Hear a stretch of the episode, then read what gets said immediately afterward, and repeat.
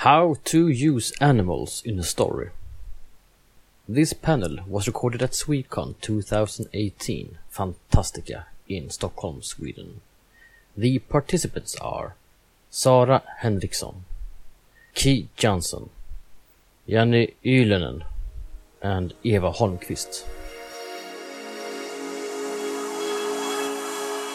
Svekon-poddar. En poddradio från svenska science fiction och fantasykongresser.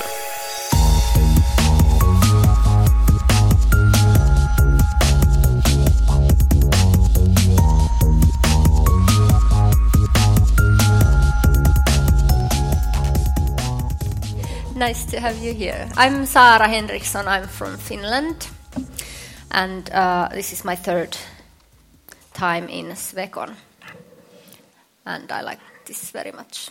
And I like best when I can be a moderator because that is the best way to meet uh, extraordinary people. okay, I think uh, I think it is time to start the panel how to use animals in a story. But first, I will ask the panelists shortly to introduce themselves, even the guest of honor. but we'll, we'll start with her. So. Hi, um, I'm Kij Johnson. I'm an American writer. Um, I have won the Hugo, the Nebula, and the World Fantasy Award. Um, and I write a lot about animals, um, everything from dogs to cephalopods to octopuses to uh, birds to sooner or later I'll hit every animal, is my hope.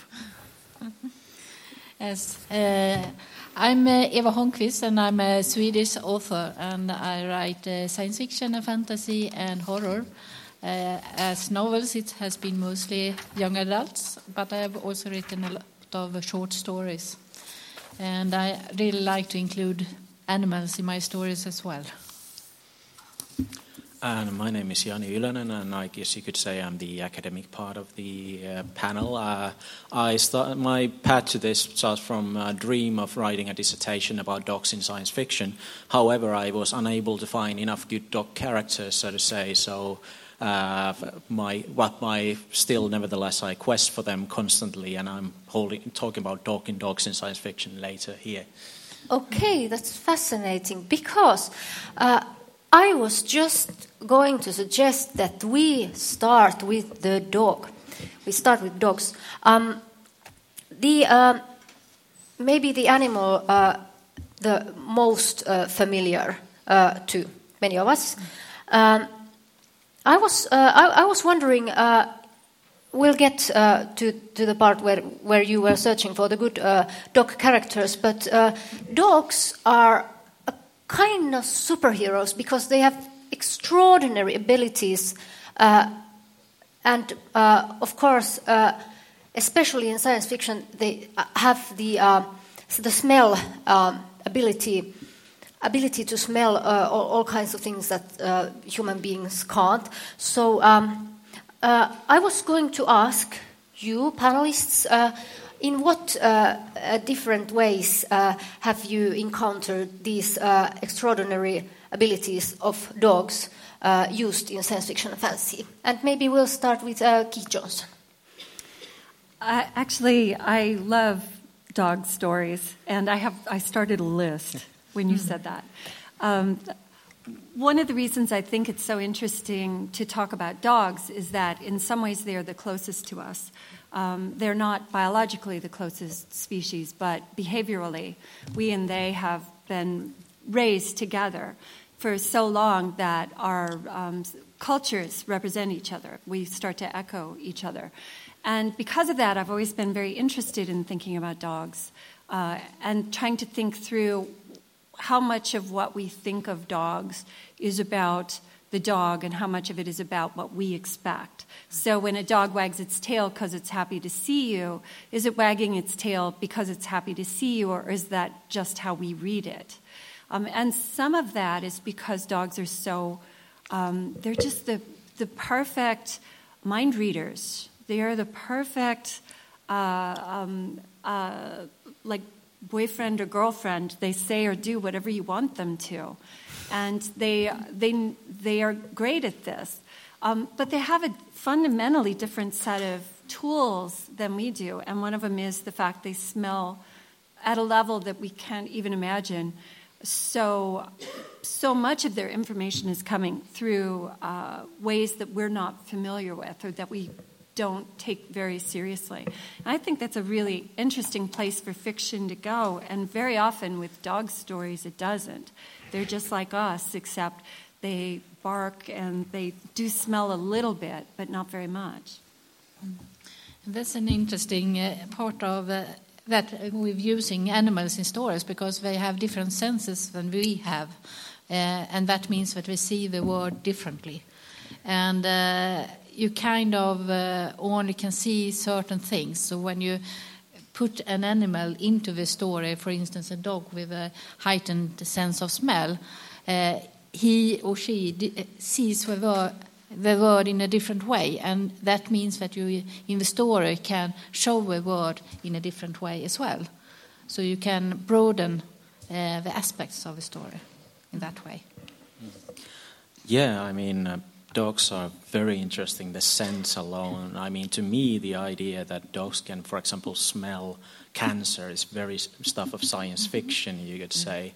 And it's something that has been rarely used, especially, I would say, the early science fiction, especially starts with the dogs being kind of like, well, they are a little bit better at tracking someone or something like that, very earnest. But they have enormous potential. I mean, for example, in one recent novel, Moon and the Other, they bring out the kind of villainous role of a dog can have because it's a creature that can smell our fear, can smell our emotions, and that kind of thing. So there's endless possibilities you could do with that kind of, well, power, you know, how would you say, like uh, the senses they have. So they have been used too, I agree, too much like humans oftentimes, and we usually, people have been writing about the uh, things about dogs that are seen as human, so to say, loyalty and such things, but mm. not about what makes them special. So mm-hmm. there's endless things to explore there, definitely still. Something Eva, is it Eva? Yeah. Said? Um, I wrote a story years and years ago called The Evolution of Trickster Stories Among the Dogs of North Park After the Change, which is the longest yeah. title ever. Um, and the story was me thinking if dogs learned to, to, speak, if we could hear what the words they said, they still wouldn't think like us. And so the dogs are building a, a cycle of mythological stories that are specific to what dogs would find important or interesting. And the first cycle of them are very much about the people. You know, it's all directed at their owners and the things that can go wrong with their owners. But ultimately, by the end of the story, I was trying to get to a place where I built the first creation story, um, and the dogs did it all with smell. Um, that the one dog, who was the sort of god dog, would uh, um, invented the world by imagining smells, and then each smell became a thing. Um, but it was, uh, um, and even that I look at, and there was a fundamental uh, error in there which I couldn't help, which is that if we they were able to speak to us in sentences, already we've moved away from whatever the the language of dogs would be, and that means the way they think. I'm going to read a quotation of the said uh, short story. It's a universal fantasy, isn't it? That the animals learn to speak, and at last we learn what they're thinking. Our cats and dogs and horses. A new era in cross species understanding, but nothing ever works out quite as we imagine. When the change happened, the change in, in, the, in the short story, it affected all the mammals we have trapped to meet our own needs they all could talk a little and they all could frame their thoughts well enough to talk cattle, horses, goats, llamas, rats too, pigs, minks, and dogs and cats. And we found that really we prefer our slaves mute. So, uh, uh, in addition to the uh, uh Kij Johnson uh, short story, uh, do you know or do you have examples, other examples of stories where the relationship b- between the, uh, the social relationship between the dog and the uh, man uh, is extrapolated to something other than I don't know master master uh, dog. Uh, Did you find any? Well, well, there are some definitely. I mean, a lot of, especially the early ones, talk about dogs that uh, gain more intelligence and rise to perhaps more from like companions that follow us to equal companions and perhaps even more intelligent creatures as such, and they are sometimes also to be enhanced not only since they have the intelligence and they have also the other senses that they are somehow superior. But was this kind of direction where you were Yeah, asking yeah. about? Yeah, yeah. So you could say that Sirius uh, by Olaf Mm-hmm. Stapledon is definitely it's basically the starting point, I guess, when you talk about dogs in science fiction. Well, there are earlier ones, but it is the major novel, so to say.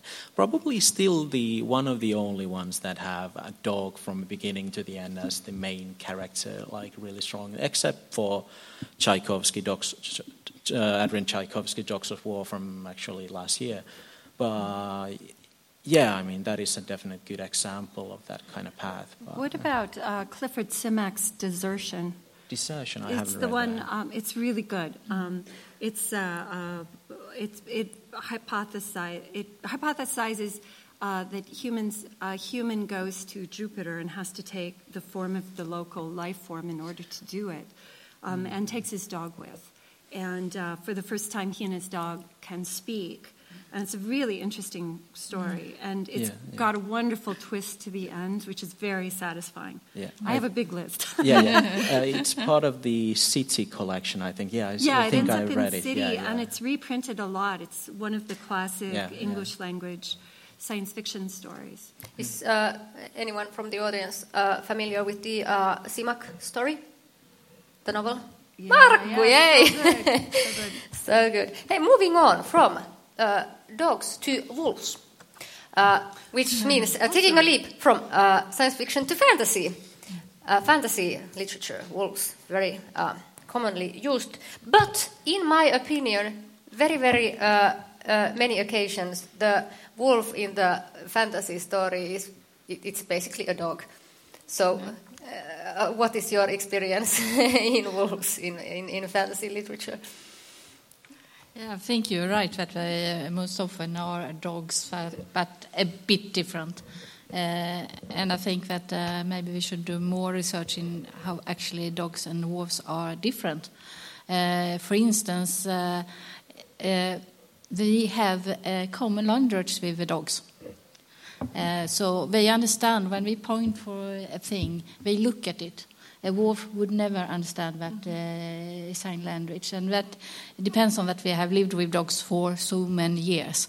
So uh, there are fundamental changes between a dog and a wolf, and I think that uh, sometimes we romanticize the wolf in a way that makes them more dog-like rather than uh, what they really are. Uh, and I think that if you include a wolf in you, you should include the more fundamental aspects of a wolf. So it's actually the wolf you are talking about. Why, why do we do that? Why do we romanticize the wolf in literature? It seems my my thinking about this um, because I think about animals in stories, but I'm thinking along a different line. Um, from instead of from dogs to way out there, I'm thinking in terms of metaphor to the actual physical dog. And wolves were so easy for us to turn into metaphors. And so they're the metaphor for insatiable appetite and you know evil. We see that in old stories, um, and in newer stories, they're they're idealized as these uh, um, family, you know, communal livers who who all work together to build this um, sort of utopian family structure. And then they're also mythic for, for a lot of people. But none of those are actual wolves. Those are all um, human, the human gaze on the wolf.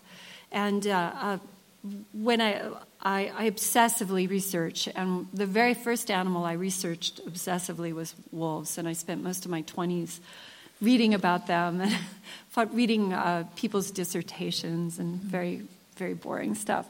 But, uh, but they are so, yeah, I think part, some of it is that they symbolize because they look like the dog but scary, or the dog but noble, or the dog but big. Um, so we can look at something that is sort of familiar and also something that's very strange and uh, extrapolate into whatever we, we want to say. I think also the wolf kind of represents the wilderness. uh, Call of the wild. Yeah, and uh, we kind of draws to that. So we romanticize the wolf as well as a part of that. Yeah, and when I think about Wolf, I, as a huge fan, I think about Robin Hobb's stories immediately. And she's, of course, wonderful in writing animals as well. She said last summer in World Con that she starts from the point of view and what would they eat, whether, whether they acquire it. And I think that is a wonderful way to start writing an animal character. To be fair, in uh, the Night Eyes, I think it's in English, the wolf she has in her stories is kind of a used semi metaphorically because it's the kind of flip of a coin to the main character. So they're both kind of, where the wolf is brought to the civilization, same way uh, is the human boy who uh, he- accompanies le- accompanies later. So this is also, while it's a wonderful written character, it's still uh, used in a fairly well, historically common way to use wolves as well, in a sense, to reflect upon human personality and kind of yearning for wildness, I guess. But yeah. Yeah, and of course the uh, companion animal to the uh, small girl in the uh, Song of Ice and Fire, the uh, George R. R. Martin series, also like uh, this security security person standing beside you. Uh, any questions or comments from the audience? Uh, Kisu. Actually, I think Tove Jansson used wolves and dogs very well in the Moving Summer Midwinter. And I wonder if anybody can hear me since I don't have a microphone. Uh, where uh, We have a gopher. Okay, yeah, just sorry. Sorry, that was my, my mistake. I was asking for uh, comments or questions before I uh, asked for a microphone. The, mi- the, the use of the microphone is not uh, not uh, optional. That's that's the word. That's the word. Not optional, but compulsory. Yeah. Yeah. Let's try that again. So, uh, Tove Jansson, in one of her Moomin Troll books, the uh, Moomin, uh, Moomin Midwinter, uh, there is a dog character who is a very small and cute little dog who has a little hat with a little bell on the hat that goes ting, and he yearns to run with the dogs. And it's very much a, uh, with the wolves, it's very much a dog romanticizing the wolves. And it's absolutely amazing because when one night he does go out, and the wolves do come out, and they are not the romantic wolves he's gonna be able to run with. They're just gonna go ahead and eat him, as Oh, wolves no. are wont to. But he does, spoilers, he does get saved. This is a Moomin Troll book after all. But I think that is a very beautiful way of thinking, you know, wolves are not the way we want them to be. Wolves are wild, feral animals, and we can't run with them since we're just the small dog.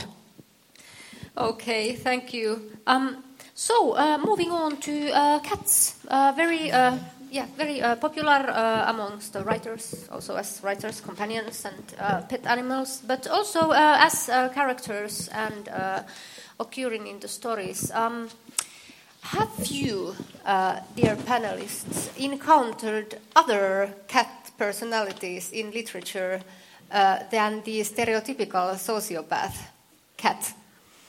Oh, there's so many cats in literature. Um, Gardner Dozois used to do collections of short stories, reprints, and he would collect uh, Dog Fantastic or Cat Fantastic. And there were two or three of the Cat Fantastics, and he hadn't even scratched the surface of uh, cat books. But dogs, there was only one. But there's, but yeah, usually cats are treated like sociopaths, um, or they're treated um, like objects a lot in stories. They're ornamental, um, kind of inscrutable, but not really explored beyond that. Uh, I really loved uh, your short story about uh, the cat who walked a thousand miles. Yeah, if I remember the title correctly, uh, because that was really a cat with personality, and uh, well, I, I really enjoyed it. And I like cats. I always like cats because uh, they they are individualist and they go their own way and they don't listen too much on everything around. Them. And then I go and romanticizes the cats, of course. So I got a lot of cats in my uh, stories as well. So in uh, uh, I have an urban fantasy with shifters in, and in that story it's not shifters to a wolf, it's uh, cat shifters, so they shift to a cat. And you also have uh, common cats in that story. And the reason why I chose cats was uh, because uh, even though they are small, they can do uh, a lot of harm. But if you want to uh, explore what it means to be something else and you translate, uh, you uh, transform into a big wolf, you are stronger than most everybody else. But if you transform into a cat, you don't have that advantage. So you have to look at the world in a different way, and I thought that was very interesting. Yeah, because dog or wolves are apex predators Yeah. or apex eaters, and so are we. Mm. And cats are very efficient, but they're efficient in a, compl- a different niche. Yeah. Jani Ylonen, and we have a question or comment from the audience. Ah, well, to me, actually, well, since being reading mostly dog character, I guess uh, I'm not as familiar with cats, but they are, like I said, often even more than dogs being held as objects on the background and so forth. But they are interesting, I would say, cat characters, but background creatures of almost like, for example, I'm reminded of something like uh, a fantasy like in the Wind Up Girl um, science fiction novel, they make Cheshire cats from the Alice in Wonderland and make them real. And they, of course, rise to the apex predator kind of situation then and hunt down all the birds in the uh, vicinity and so forth. But they, of course, use as kind of metaphors for. Uh, also as a, something that has been created but has soul of its own and a c- character in itself. Uh, in science fiction, cats are fairly rare, unless you go to Red Dwarf or something like that, I guess. Uh, uh, Game of Rat and Dragon. Again, Clifford Simak wrote every animal story that needed to be to read it written, more. to be honest. Well- Cordwainer Smith, I'm sorry. Um, Game of Rat and Dragon is a hard science fiction story um, where they, they pin light. Pin lighting means they're aliens, and the only way to kill aliens is to sync up the brain of a human and a house cat. And the two together are able to hunt. They, they call it the game of rat and dragon because that's how the cat visualizes what is being killed, and the human visualizes it as a dragon. And uh, um, just, just an amazing, amazing story about sort of bridging the gap again between intelligences. Uh, moving on to horses, somebody's favorite animals, I, I, I imagine.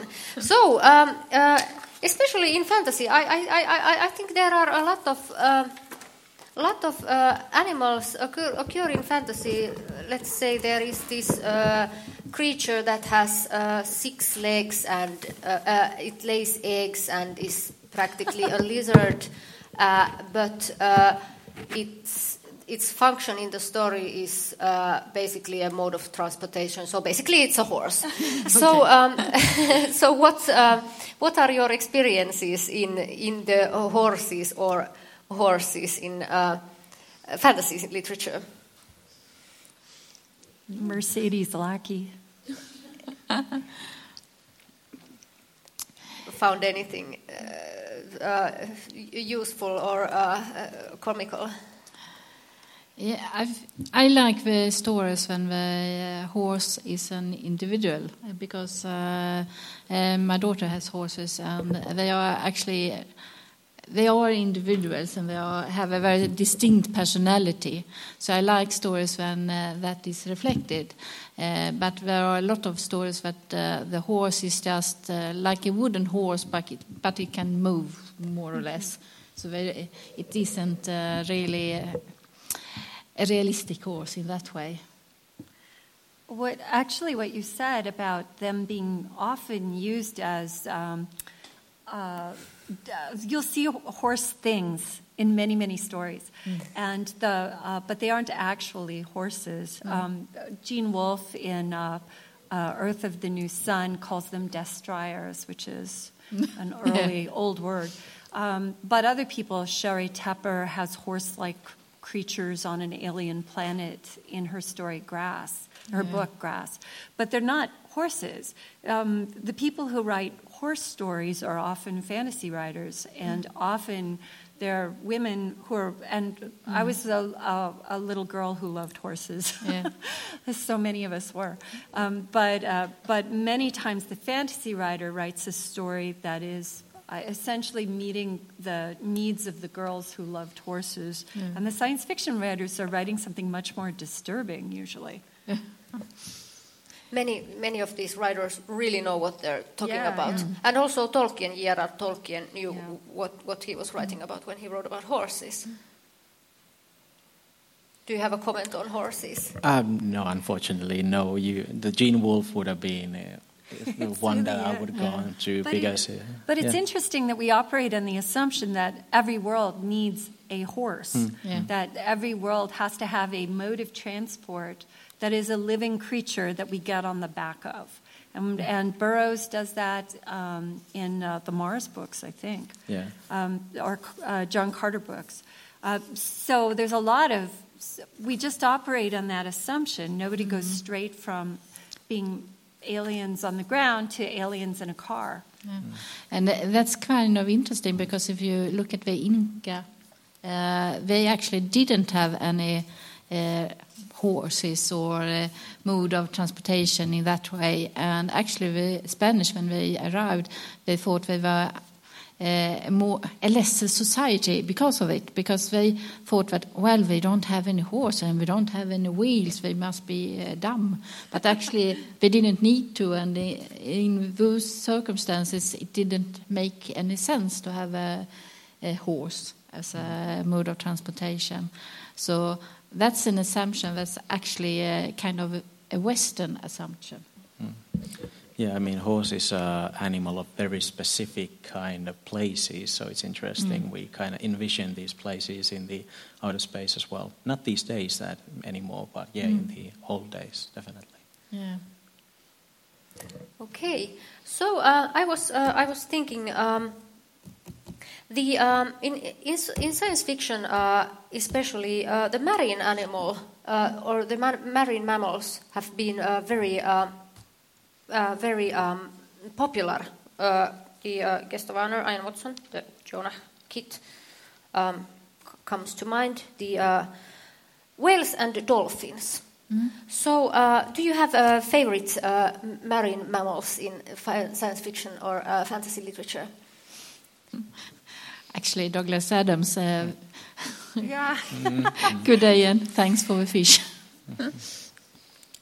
This, um, David Brin in the Startide Rising book has. Uh, when I'm teaching animals, I'll often talk about. Uh, um, put them on a hierarchy, animals in literature, where animals are gods, and then we move our way all the way down to where animals are food or corpses. Um, and in the middle, there's this big gray zone where, where animals are uplifted. Um, and either they uplift themselves in some way, um, they're raised to human intelligences, or human, humans raise them. Startide Rising, I know that David Brin makes the dolphins uh, super smart. Um, but I can't think of anybody else. I actually, for many years ago, re- uh, read a short story, which I don't remember the name of, uh, that uh, had a society that was uh, composed of uh, dolphins. Uh, and uh, of course, they got humans there and they got uh, went a bit uh, conflict and so on. But it was uh, quite an interesting society, I thought. Uh, unfortunately, I don't remember the name. Yeah, um, dolphins are interestingly used quite similarly to dogs in some sense in science fiction.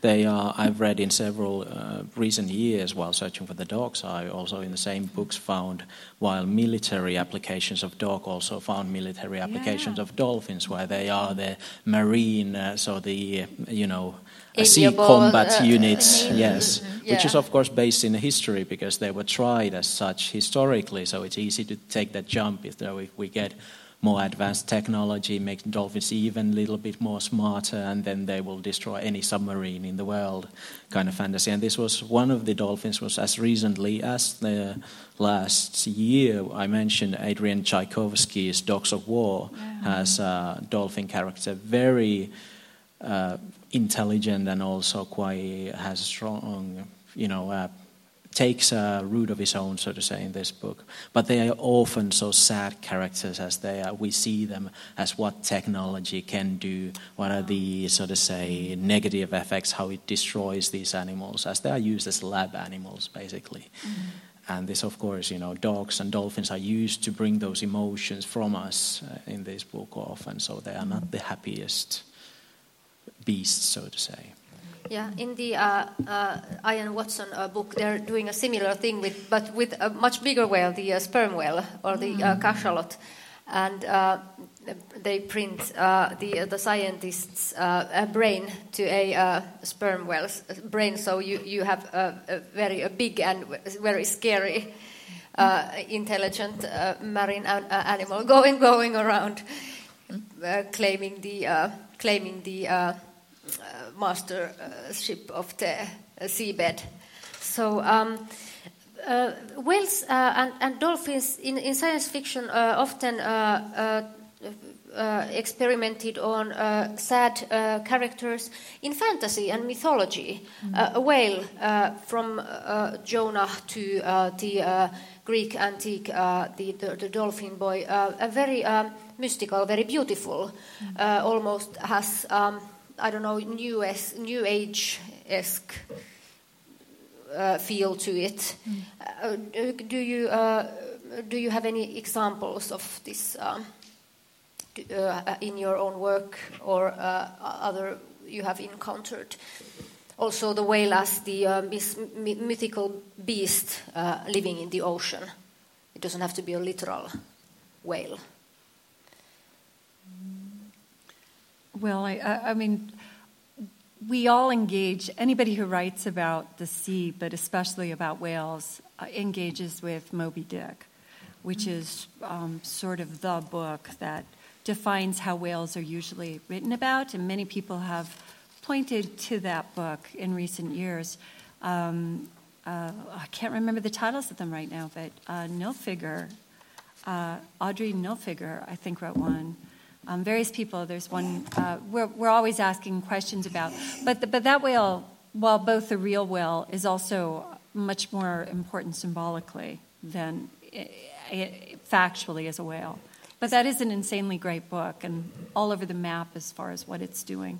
Not an actual. I, I, I have a take on it from yeah. from 2011. It's Moby Doll. it, was, it was my debut novel. So, yeah. Jani, uh, no, uh, Eva. Uh, I haven't read uh, much about whales, but I was thinking about uh, the stories about the uh, kraken and all those stories. They yeah. more or less take the same uh, role in the yes. story as um, in Moby Dick, the whale does. And well, uh, whales, Moby Dick, I can started this kind of metaphorical, symbolic use of whales and yeah. of, so forth, which runs its probably its most metaphorical, symbolic uh, heights at, well, we have to mention The Unwritten uh, by Mike Carey, the uh, comic book that is a wonderful example of how it, the story is weaved into the idea of whale as well in our culture. Uh, that is an interesting example. Thank you, Yanni, for bringing him up. So now we have all the, we have a, a pretty much uh, we, we, want to cover all the bases. So yes, uh, the uh, the kraken or the uh, whatever uh, giant squid or giant octopus is very uh, I don't know I don't know if it if it comes from. 50s B movies or something like that, but the, the very, very, very popular monster. Do you have any favorites? Favorites in the audience? Tentacle monsters? Everybody loves them. I've been working on a book right now, or a story, which is a space opera, um, and uh, doing research right now into cephalopods and cephalopod intelligence, so octopus, cuttlefish, squid. Um, and boy, is that interesting, because if you want to talk strange ways to think, They, they are so not like us um, in so many ways. Um, and it's really interest, fun to think about what might happen if they, if they spent, if they lived for more years, for instance. But I mean, most of the time, people who write about octopuses or cephalopods in general are talking about very humanish or very Lovecraftian cephalopods. They're talking about monsters uh, with, with undefined evil motives. Yeah. I would actually really, really like to see more stories about uh, an intelligent octopus and the society they were building, because I think it would be very different from uh, a human society.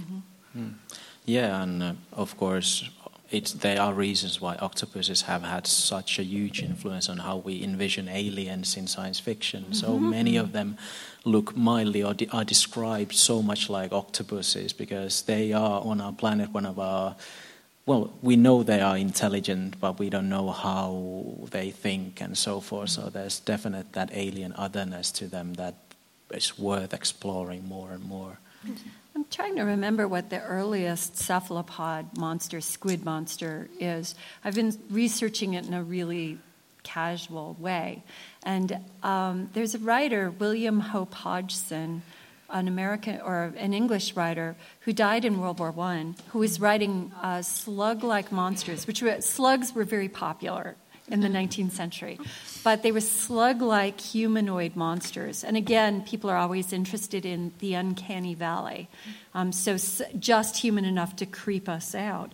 But they had tentacles instead of hands. And uh, um, that's the first site, the first time I can find it. But I keep thinking somebody must have done it before. That was 1907, um, and maybe there had to be a reason why we started writing about squid monsters. In the um, well, in, in Ian Watson's book and, and in, many, in many other books and movies, also it is an argument that uh, why do you, um, like scientists or science fiction writers, why do you seek out the alien uh, consciousness or the alien uh, intelligent uh, beings from outer space when we have them here on the planet, whether called dolphins or whales or uh, octopuses, but we can't even communicate with them. So how could we communicate with the with the alien alien intelligence? Uh, yes, very good uh, uh, and very very interesting question. Um, insects. Ooh, bees. Uh, but insects, yes. Um, so um, an animal can be a very small but a very uh, interesting.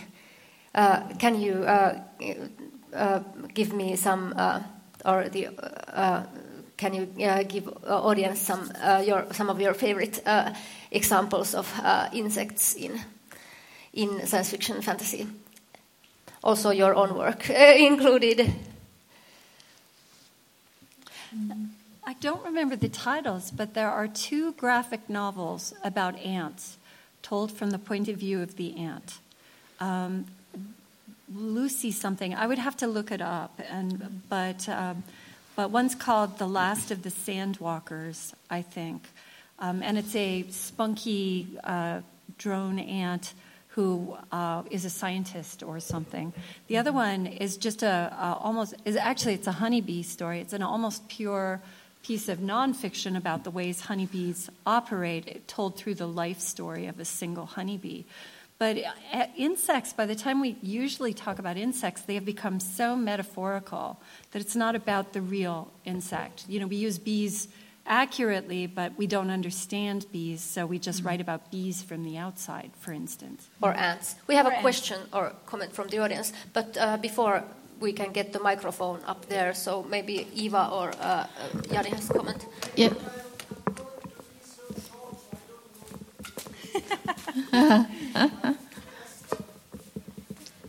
want to say that uh, probably the the thing I liked most compared to its size of Le Le Guin's uh, authorship Oh, yeah. is her existentialist ant.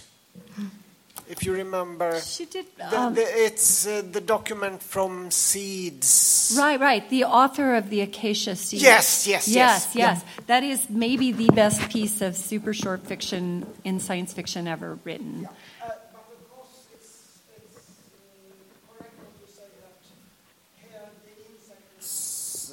It is not very much about the insect as such. It is more metaphorical in some sense. The uh, author of the Acacia Seeds is really short, and it's a story told as like a scientific paper that they have figured out how to read pheromone markings that ants leave on seeds. And they found an incomplete message that an ant has left with a little shriveled ant corpse next to it. And they're trying to interpret it. So it's actually a really uh, funny satire on academic writing, uh, ethnographic writing, but it's also a really politically interesting story. And it's only this long. Uh, I was actually thinking about, uh, I think it's the, the word of Weber of uh, Simak as well, I think, where he kind of shelters the ants. So they build up a very big and advanced society, and then he uh, uh, destroys the shelter and how that influences the ants. That I thought was very interesting. Oh, you just reminded me of St- Sand Kings by George R. R. Martin. Has anyone read that? Yeah, it was. It won, I think, the Nebula. Um, a very disturbing story where alien insects. This guy is keeping them, and he has four sets of them, and he tortures them differently, like a Skinner experiment, to see what happens. And each of them evolves so fast that he sees them turn into different kinds of monster. It's really, really creepy. George R. R. Martin, always pretty good at being creepy anyway, but this is one of his earliest works and one of his best. And in your own work, you also uh, uh, you also uh, have a bees in, in your short story collection. And I have a, um, a story that's online called Mantis Wives, which was the very unpopular last uh, least of the finalists for the Hugos that year. Um, it was very, very short. Um, but in both cases, writing about insects, I found I couldn't write about them from inside. I had to write about them from outside because, because to write about them from inside would require a vocabulary I don't have. Um, and it would require so much patience from the reader. But that's a, but yeah, so mantises, I read, the bee story is all about, it's called At the Mouth of the River of Bees. And that's actually about dogs. Okay. It's more about dogs than about bees, Yeah, it is. Yeah. I have to mention uh, uh, has anybody been to Finland in, in the summer? Or is familiar with, or, or is, is, is familiar with the mosquitoes because in this short story co- collection uh, recently translated into uh, Swedish there is a short sto- uh, uh, Finnish uh, sto- short stories uh, called uh, mosquitoes or myggorna på svenska. And it's a short tale about how the encounter with the mosquitoes is an sensual experience, a very, very extrapolated. Uh, so, not so much. So, uh, we are running uh, uh, out of time. Maybe uh, comments or questions from, from the audience? Uh, we seem to have. Birds, yes, I, I totally skipped birds. Yes, because the in my in, in, in my understanding, many birds or bird-like creatures they pretty much have a function like the horse. They uh, the the birds carry the messages, but uh, I bet there is also uh, like uh, good uh, characters, individual birds. Yeah, the gull, uh, I think it's called in English, måsen in Swedish, Richard Bach. Uh, the seagull. yeah. That's a wonderful story, actually. John Crowley uh, this year had a book come out called uh, Ka, K-A, which is uh, about an immortal crow. uh, Crowley, C-R-O-W, Crow, Lee, L-E-Y. He's a, a wonderful writer, writes very, very slowly, and this is the strangest book of his I've ever read. A final question uh, from the panel: uh, uh, If animals could talk, which animal, with which animal would you uh, like to have a conversation? I would think uh, a cat actually. A particular cat or a cat in, in general? A cat in general, because I think uh, they uh, have a mind uh, totally of their own, and they think very differently from uh, uh, human, but they interact in our world. Uh, well, uh, I was inspired by this conversation to think about whales, to talk about them, the depths they go into, and how they see the world from below us, the seas, and so forth. That would be fascinating, I'm sure. And Key? I, I have two answers. But I would love to talk to a crow because I think that hearing how they would speak about themselves would be very interesting. They solve problems really well. But honestly, I feed squirrels. And I would love to know because they're, they're not very smart. They're little, they have tiny little brains, but they're so, so efficient at solving certain kinds of problems. And I'd like to know what they think all those times that they come and eat all my food. And do they, what do they like best? Yeah, what do they like best? That would save me so much money. Thank you so much. Thank you, audience. Thank you. Thank you.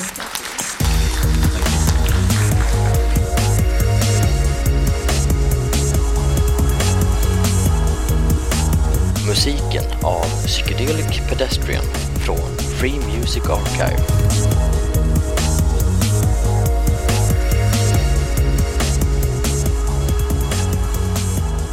Besök gärna vår hemsida på svekonpoddar.se